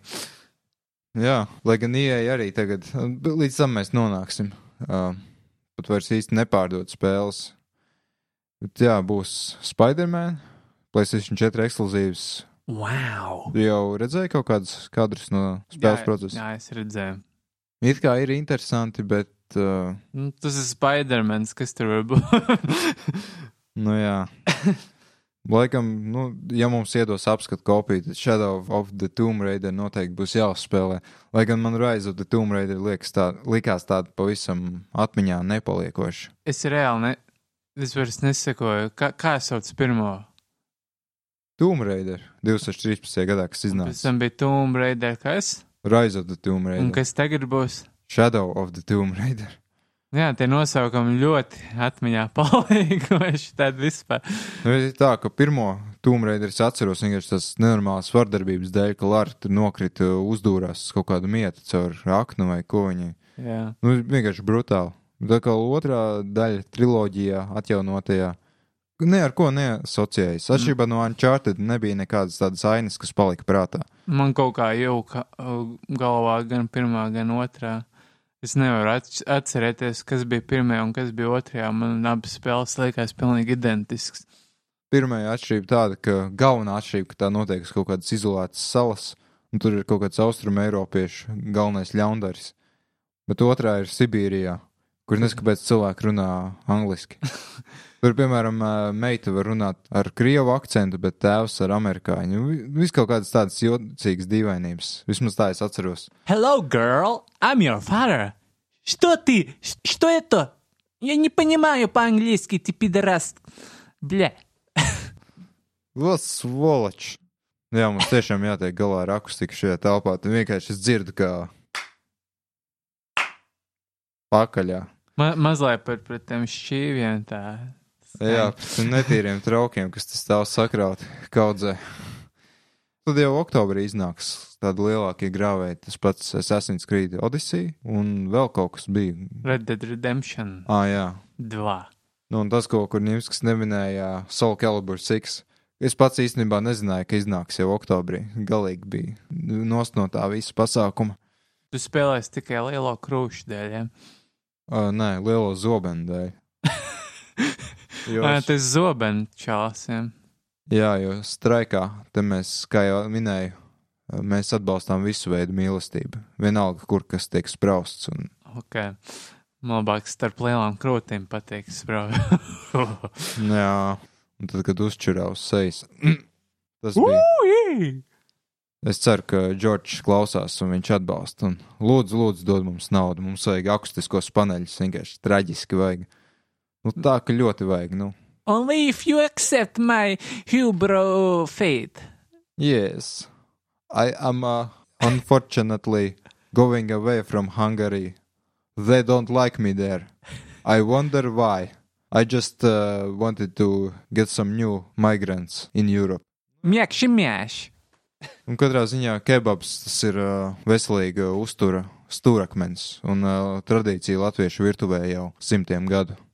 Šiškebabs. Lūdzu, vēl vairāk pakistāniešu Rīgā. Mums viņi ir pa maz. Un turkus arī. Atveriet robežas. Refugees welcome. Tad nākamais mūsu jaunuma sarakstā ir IGN plaģiāta skandāls. Būtībā viens no IGN bijušiem redaktoriem, nu jau bijušais tagad, kurš strādāja tur sešus mēnešus, ja nemaldos, uh, viņš uh, bija atbildīgs par Nintendo jaunumiem un apskatiem. Tas viss atklājās ar Dead Cells video apskatu, ko viņš izveidoja, kas bija gandrīz vārdu pa vārdam uh, identisks ar kādu mazu YouTube kanālu video apskatu. Tur tie argumenti bija identiski, bet vārdi bija ļoti minimāli izmainīti. Jā, tur tā lieta, ja tu zods, tad nu, tev vismaz jāmāk netikt pieķertam. Es tā uzskatu. Nu, ne, ne tā, ka es nenodarbojos ar plaģiātu. Nē, Nē, man patīk, ka tur bija tas arguments, ka spēļu industrijā tiek izmantotas tās klišē frāzes, tādēļ izklausās vienādi. nu, jā, vai arī preses relīzēs. Tur visi, visiem atnāk tā pati preses relīze, un tad varbūt jā, pārāk jā. iedvesmojās. Ir tīpaši indijas spēlēm, tā kā Dead Cells. Bet, ja tu iedod augstu vērtējumu, tad nu, tev taču vismaz vajadzēja uzspēlēt, nevis vienkārši tupi nozagt no cita. Nu jā, un izrādījās, ka viņš to jau. Tas viss, ko tas uh, redaktors bijušais dara. Viņš uh, zog citiem uh, apskatus. Jā. Tagad viņš cilvēks, kurš knapi ir izsities spēļu industrijā, un tagad vairs viņš nekad nedabūs darbu spēļu industrijā. Bet, cik es sapratu, viņš pats nesaprata, ko viņš dara. Tas ir tas klasiskais gadījums. Viņš ir autists vai debils vai daunis. nu, jā, nu viens no trījiem. Viņš laikam pārāk daudz Fortnite spēlēm, tāpēc viņam Nu, jā, tāpēc nevarēja vismaz uzspēlēt Dead Cells, kas skaitoties ļoti labi. Bet, nu, man nav. Es nevaru atrast laiku. nevar Starp atrast. halčām un starp Jā. darba getliņos. Un miskastē nevar atrast digitālos kodus šajā spēlē nekur. Nu jā, tāpēc, ka fizisku versiju nav. Jā. Vienreiz es atradu kaut kādu PC versiju, kaut kādu PC spēli, viens C. un Tad es, protams, iebāzu savu kabatā. Vienīgā problēma, ka man uh, s- uh, bijusī sieva atstāja tikai portatīvo datoru, un tam nav diska dziņa. Tā ka man nebija kur ielikt to disku nemaz, izņemot savā pakaļā. Es atradu Akelas spēles King's Bounty, bet tikai krievu valodā, tā kā es slikti saprotu rusiski, es, es nemāku. Es nemāku pa krieviski runāt. Es nemāku pa krieviski runāt. Esmu nastojašie latiški paclan. Очень прекрасно. Бļaķ. Suka.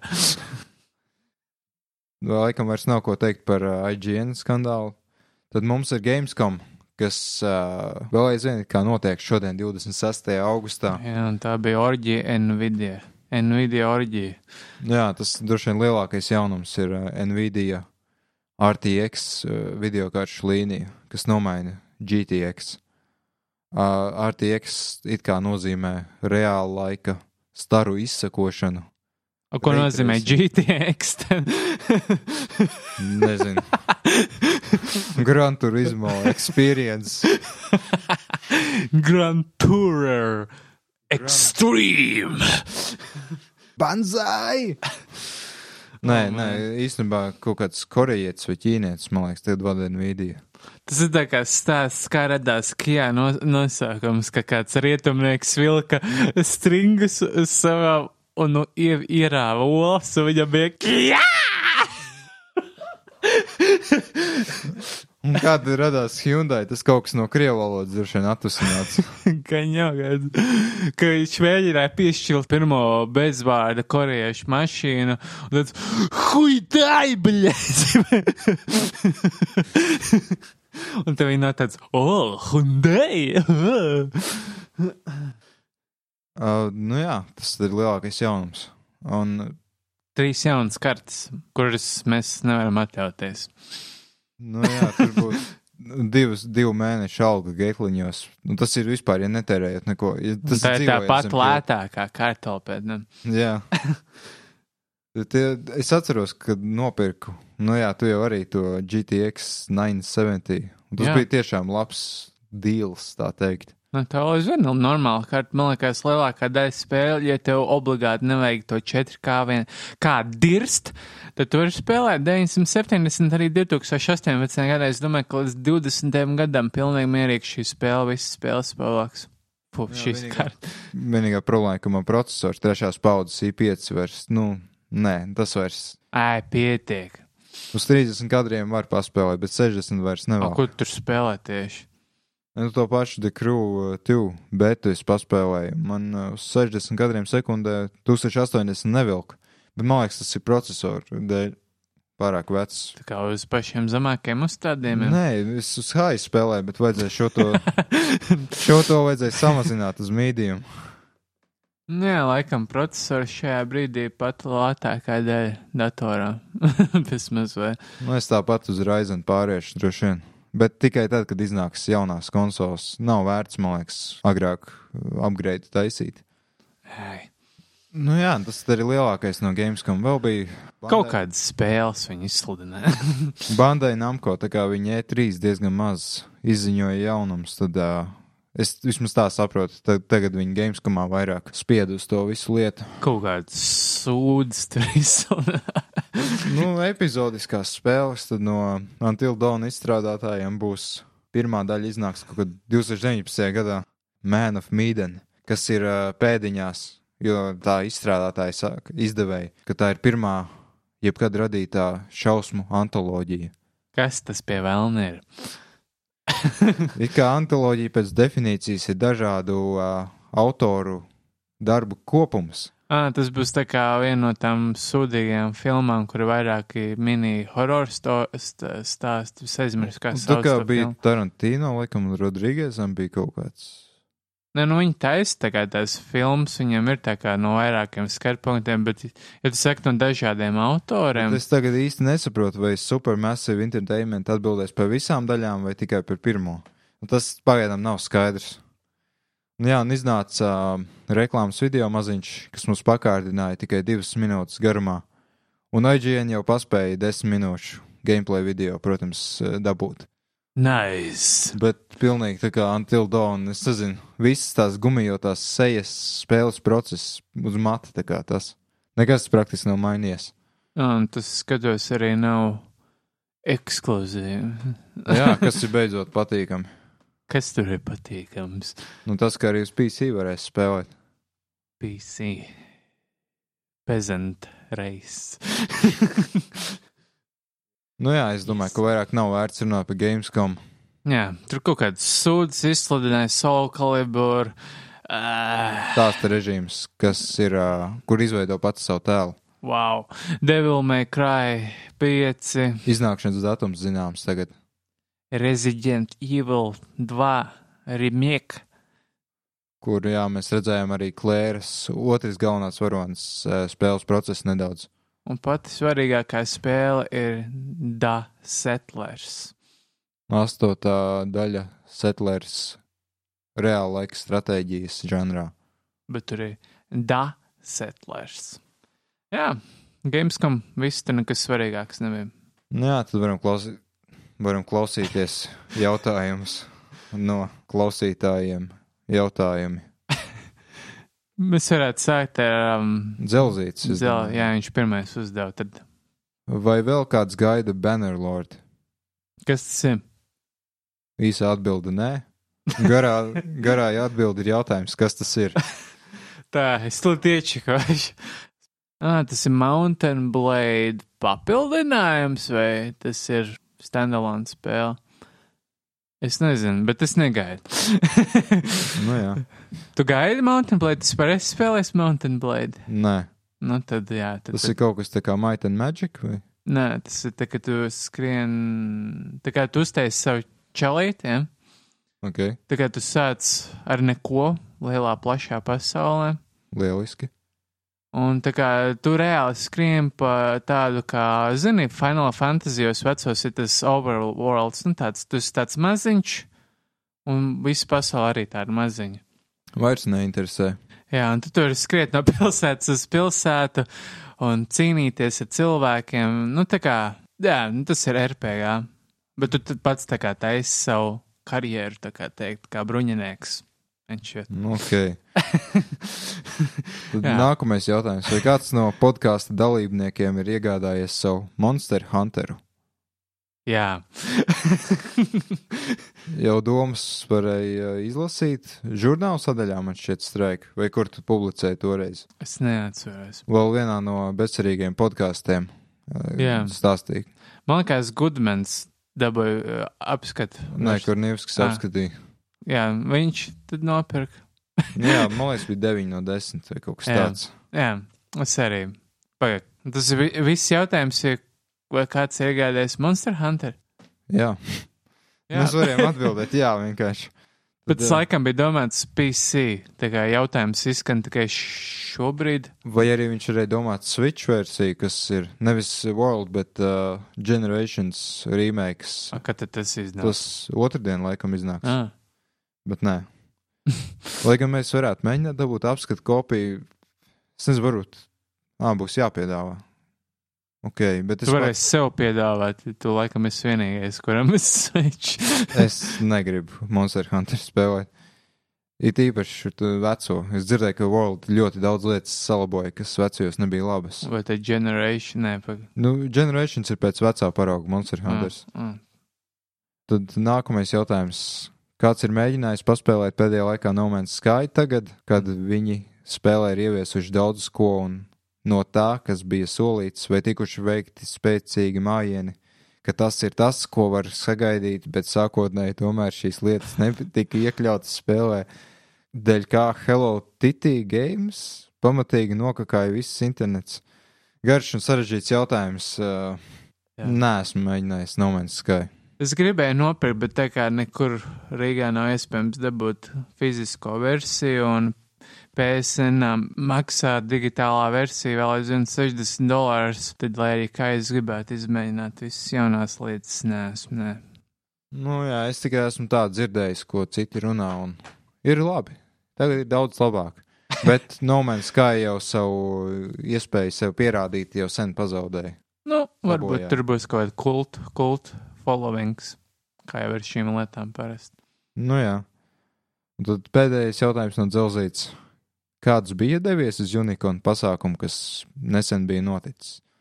Uh, nē, ja nemaldos, man tajā laikā bija halča viena. Tas smirdēja pēc sūdiem. es Bet tev nevarēju. bija iespēja uz turien doties. Bija iespēja, bet es nedevos.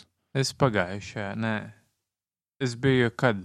16. gadā pēdējo reizi, un tā bija tāda degoša izgāsta, ka man, man iespējas visu noģu kultūru Latvijā ir sabojāts visiem laikiem. Nu jā, es biju uz pirmo unikonu, kas notika, bet tikai uh, kaušanās turnīru dēļ. Man, man piedāvāja Rona Huberta grāmatas. Cilvēki, kas acīm redzot, bija no scientoloģijas.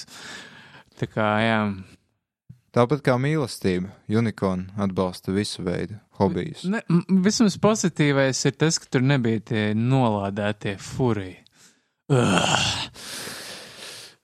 Ok, man liekas, ka nākamais jautājums, tad, eh, ko uzdot Goodman 2576.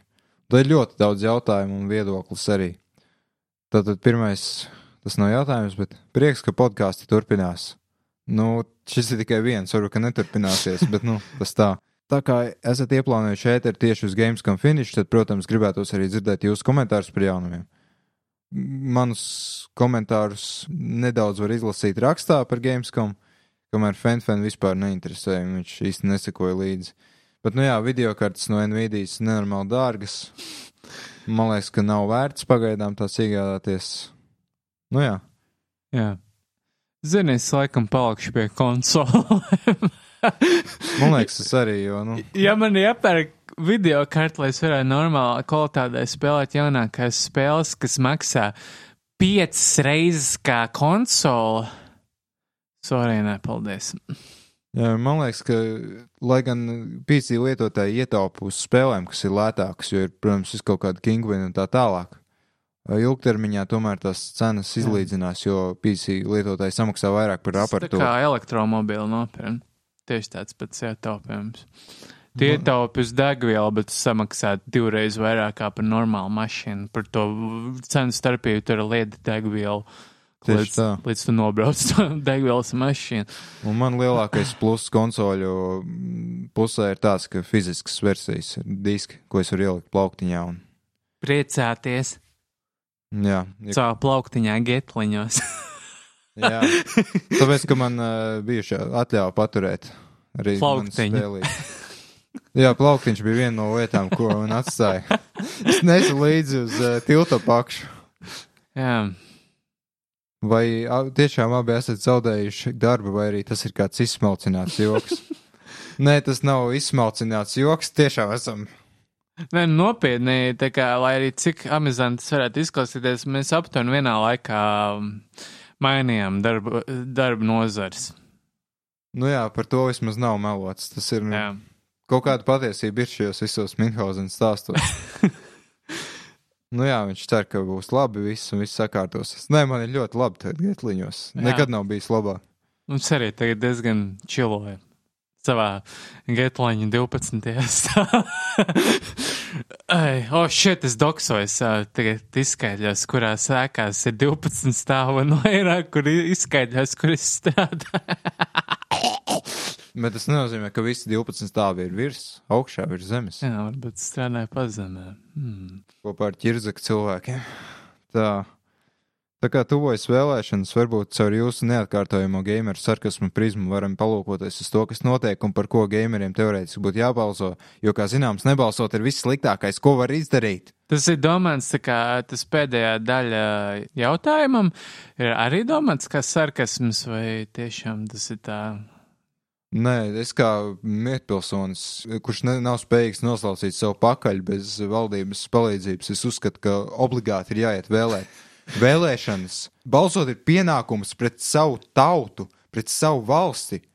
Neiet balsot, tas ir vienkārši nu, tas ir noziegums. Uz cilvēku vajag vispār nošaut. Atlaist saimā!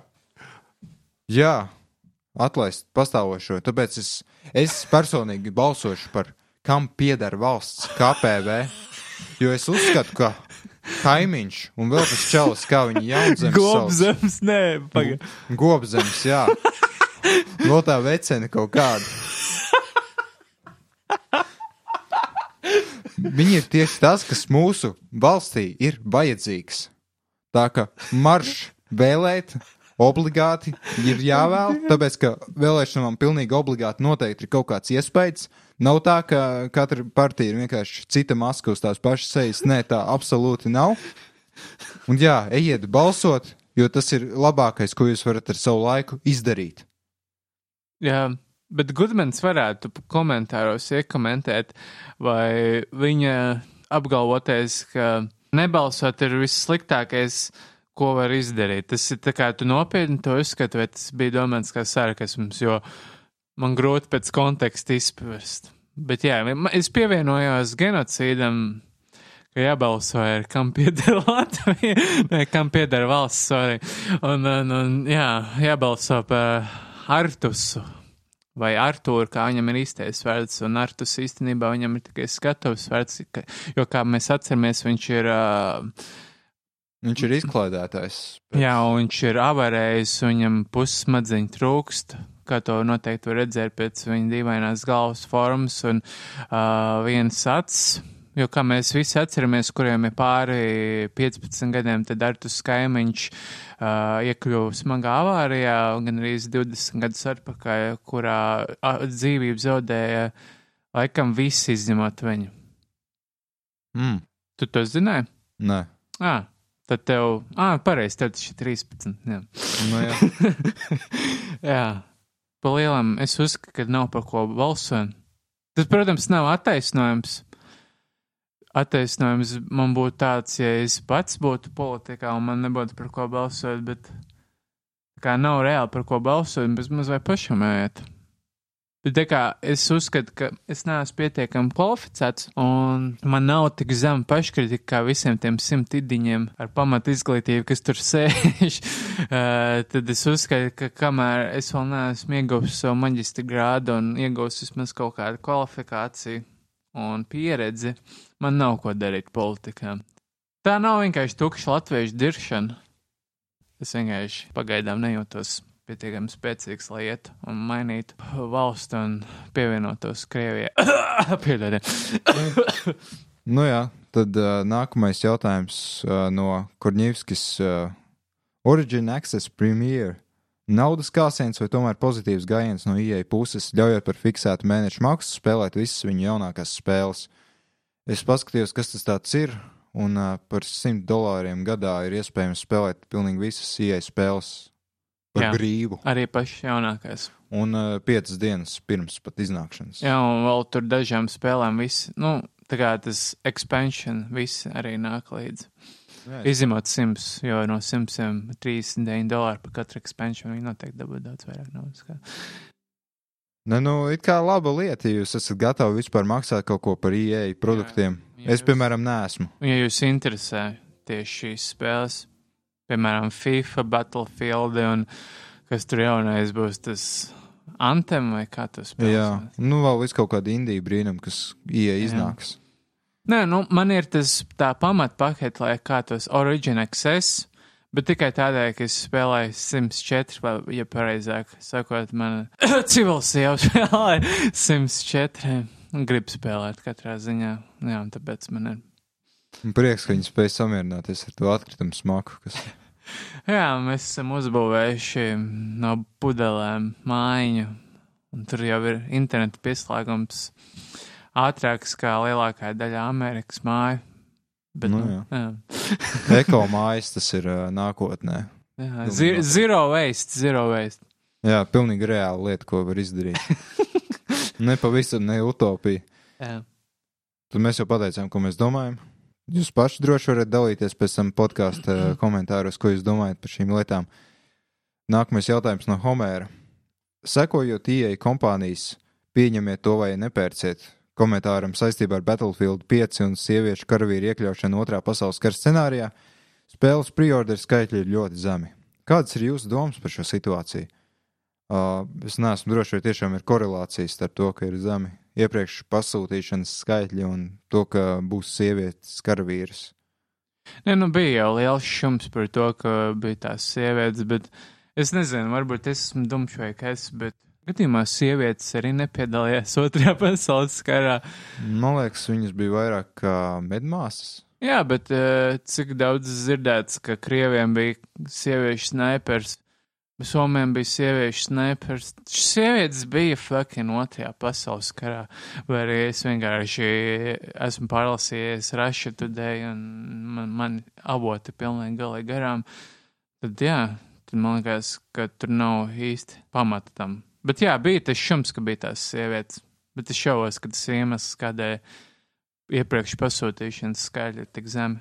Ne, Man liekas, ka tā, tā ir vispār laba lieta, ka cilvēki uh, pagaida, varbūt, kad iznāk apskati, tad tikai iegādājas. Jo man liekas, diezgan stulbi tā akli pirkt. Bet pieņemsim to, ka pamatojums tiešām ir, ka es ne iepriekš pasūtu spēli tikai tādēļ, ka tur ir sievietes. Tad tas nav tas secinājums, pie kura būtu jānonāk. Es domāju, secinājumam būtu jābūt, ka vispār nevajadzētu iepriekš pasūtīt spēles, tāpēc, ka tu nezini, ko tu saņemsi. Nu, jā, nu, man liekas, arī vispār ir pasaulē lielākas problēmas, par ko uztraukties, nekā to, ka sievietes tagad būs video spēlē. Nu jā, palielam, jā, jā. jā. Bet man liekas, ka lielāka problēma tas, ka nav transdzimuma personas uh, Battlefield 5. Man liekas, tas ir ļoti netoleranti. Jā, jau tīpaši, ka, pieņemsim, otrajā pasaules karā noteikti bija ļoti daudz šādu cilvēku. Ir tīpaši tajā laika posmā, nu, tā bija tāda parādība, kur bija tik viegli publiski izpaužama. Tā kā visi publiski lepojās, ka viņi ir transdzimumu pārstāvi tajā, Mm, tajos gados. Un geju un lesbietes. Jā, tas bija tā pieņemts. Un vegānisms, kā tur noteikti zirgi sprākst un, un, un, un degviela tiek patērēta. Nu, degviela veido no uh, fosiliem izrakteņiem, kas savukārt kādreiz bija uh, dzīvi radījumi. Nu, tas taču ir necēl. Kur, kur ir vega, vegan rights? Go vegan, bitch! Jā, tas ja netrūkst tagad iemeslu, tad vispār.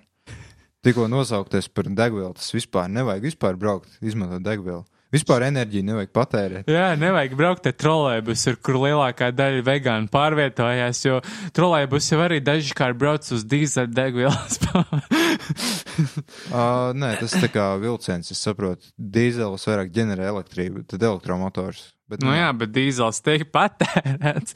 Un uh, jebkurš transporta līdzeklis, ieskaitot uh, velosipēdus, tur ir plasmas. Plasmas ir no naftas izgatavot, kas arī ir no fosiliem, uh, fosiliem izrakteņiem iegūt. Izdara pareizo izvēli, pārtrauc savu dzīvi. Tas ir vienīgais veids, kā ir zero waste iespējams un go vegan. Vienkārši paņem un šajā pašā brīdī nošauj. Bet tas nav zero waste, tāpēc ka kādam vajadzēs arī savākt tos mirstīgās atliekas. Ah, tad var arī tā kā uh, Breaking Bad. Tajā mucā uztaisīt to šķidrumu un ielikt iekšā.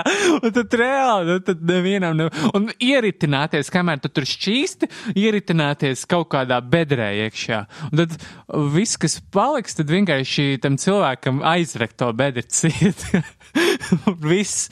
Tu pats sev esi izredzis bedri un iepriekš jau uz, uztaisi savu kapakmeni. Uh, jautājums no Suicide Christ. Kā getliņš patīk? Patīk, nu, pie smakas pierod. Jā, tas maksas pierod. Tas bija sākumā lielākais mīnus.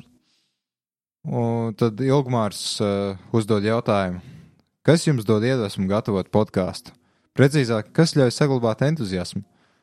Iespējams, nebūs vairāk podkāstu, šis ir tāds joka pēc ierakstām.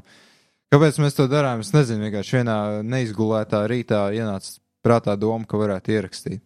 Es pat neatceros, kāds bija iemesls. Varbūt arī bija tas, ka mēs vienkārši pohāni pamodāmies un uh, genocīds uzrakstīja, vai es uzrakstīju, ej, tev rakstam podkāstu, un tad mēs arī sākām rakstīt. Bet entuziasms, man liekas, ka mums nav nekāda entuziasma. Tāpēc, jo šis ir bezcerīgais podkāsts, Nu, jo jā. mazāk entuziasma, jo labāk. Es nezinu, vienkārši varbūt tādēļ, ka mēs esam draugi īstajā dzīvē, kaut kāds veids, kā pavadīt laiku kopā. Īstenībā, jā, ja kaut viens cilvēks noklausās šo, viņam ir labi. Viņam ir labi. Tad, uh, jā, mēs esam priecīgi. Jā, tas ir tā kā travel uh, tiem blogeriem, tā kā mēs apvienojam patīkamo ar liederīgo. Nē, nu, cik tas ir liederīgi, tas ir vēl diskutējams. Es domāju, ka nav, bet, nu. Ir tīpaši tāpēc, ka tas ir pilnīgs stulbums, jo mēs jau tā īsti nesakojam līdzi jaunumiem spēļu pasaulē. Spēlējam diezgan maz jau tāpat. Un spēlējam vecas spēles, kuras jau ir izspēlētas. Mums ir cerība kaut kādas spēles uz rudeni dabūt, cik es saprotu. Jā, jo Rockstar it kā dod, Ubisoft dod, Square Enix šad tad dod. Un kas no Square Enix iznāk? Uh, Shadow of the Tomb Raider. Ah, pareizi. Bet tas arī ir tāds 50 pret 50. Jā, tā kā varbūt rudenī ar jūsu līdzdalību mēs iegūsim vairāk satura. Vismaz no jums, ja jūs būsiet atsaucīgi. Tad atliek tikai noslēdzošā podkāstu daļa - lasītāju aktivitāšu apkopojums. Uh, Sākot ar jaunāko. DJ Kikis ieliek uh, Jakuza Kivomi 2 Yakuza Kiwami! uh, stāstā traileri. Jā, Jā, nu es jau paspēlēju demo. Man liekas, baigi atgādni pēc Jakuza 6, ka mēs atgriežamies pie teksta kastēm, neierunātām. Bet, nu, citādi domāju, ka es iegādāšos, kad otrdien iznāks. Bet varbūt tomēr ne. Tad nākamais video Grand Tour spēle. Paskatījies jau? Nā, bet es pēc tā uh, ekrāna šāviņa, kas tur redzu, ka tas numurzīme nepareizi izgaismot, es te pieņemu, ka tur diezgan sūdīga grafika būs. Nu, jā, tas darbojas kaut kāda Amazon spēles zinēja. Wow! Nu, jā, droši vien, ka būs mēsls.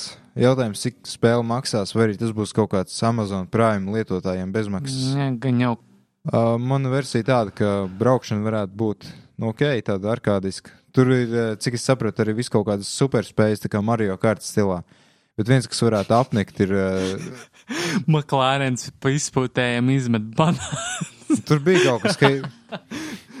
Jā.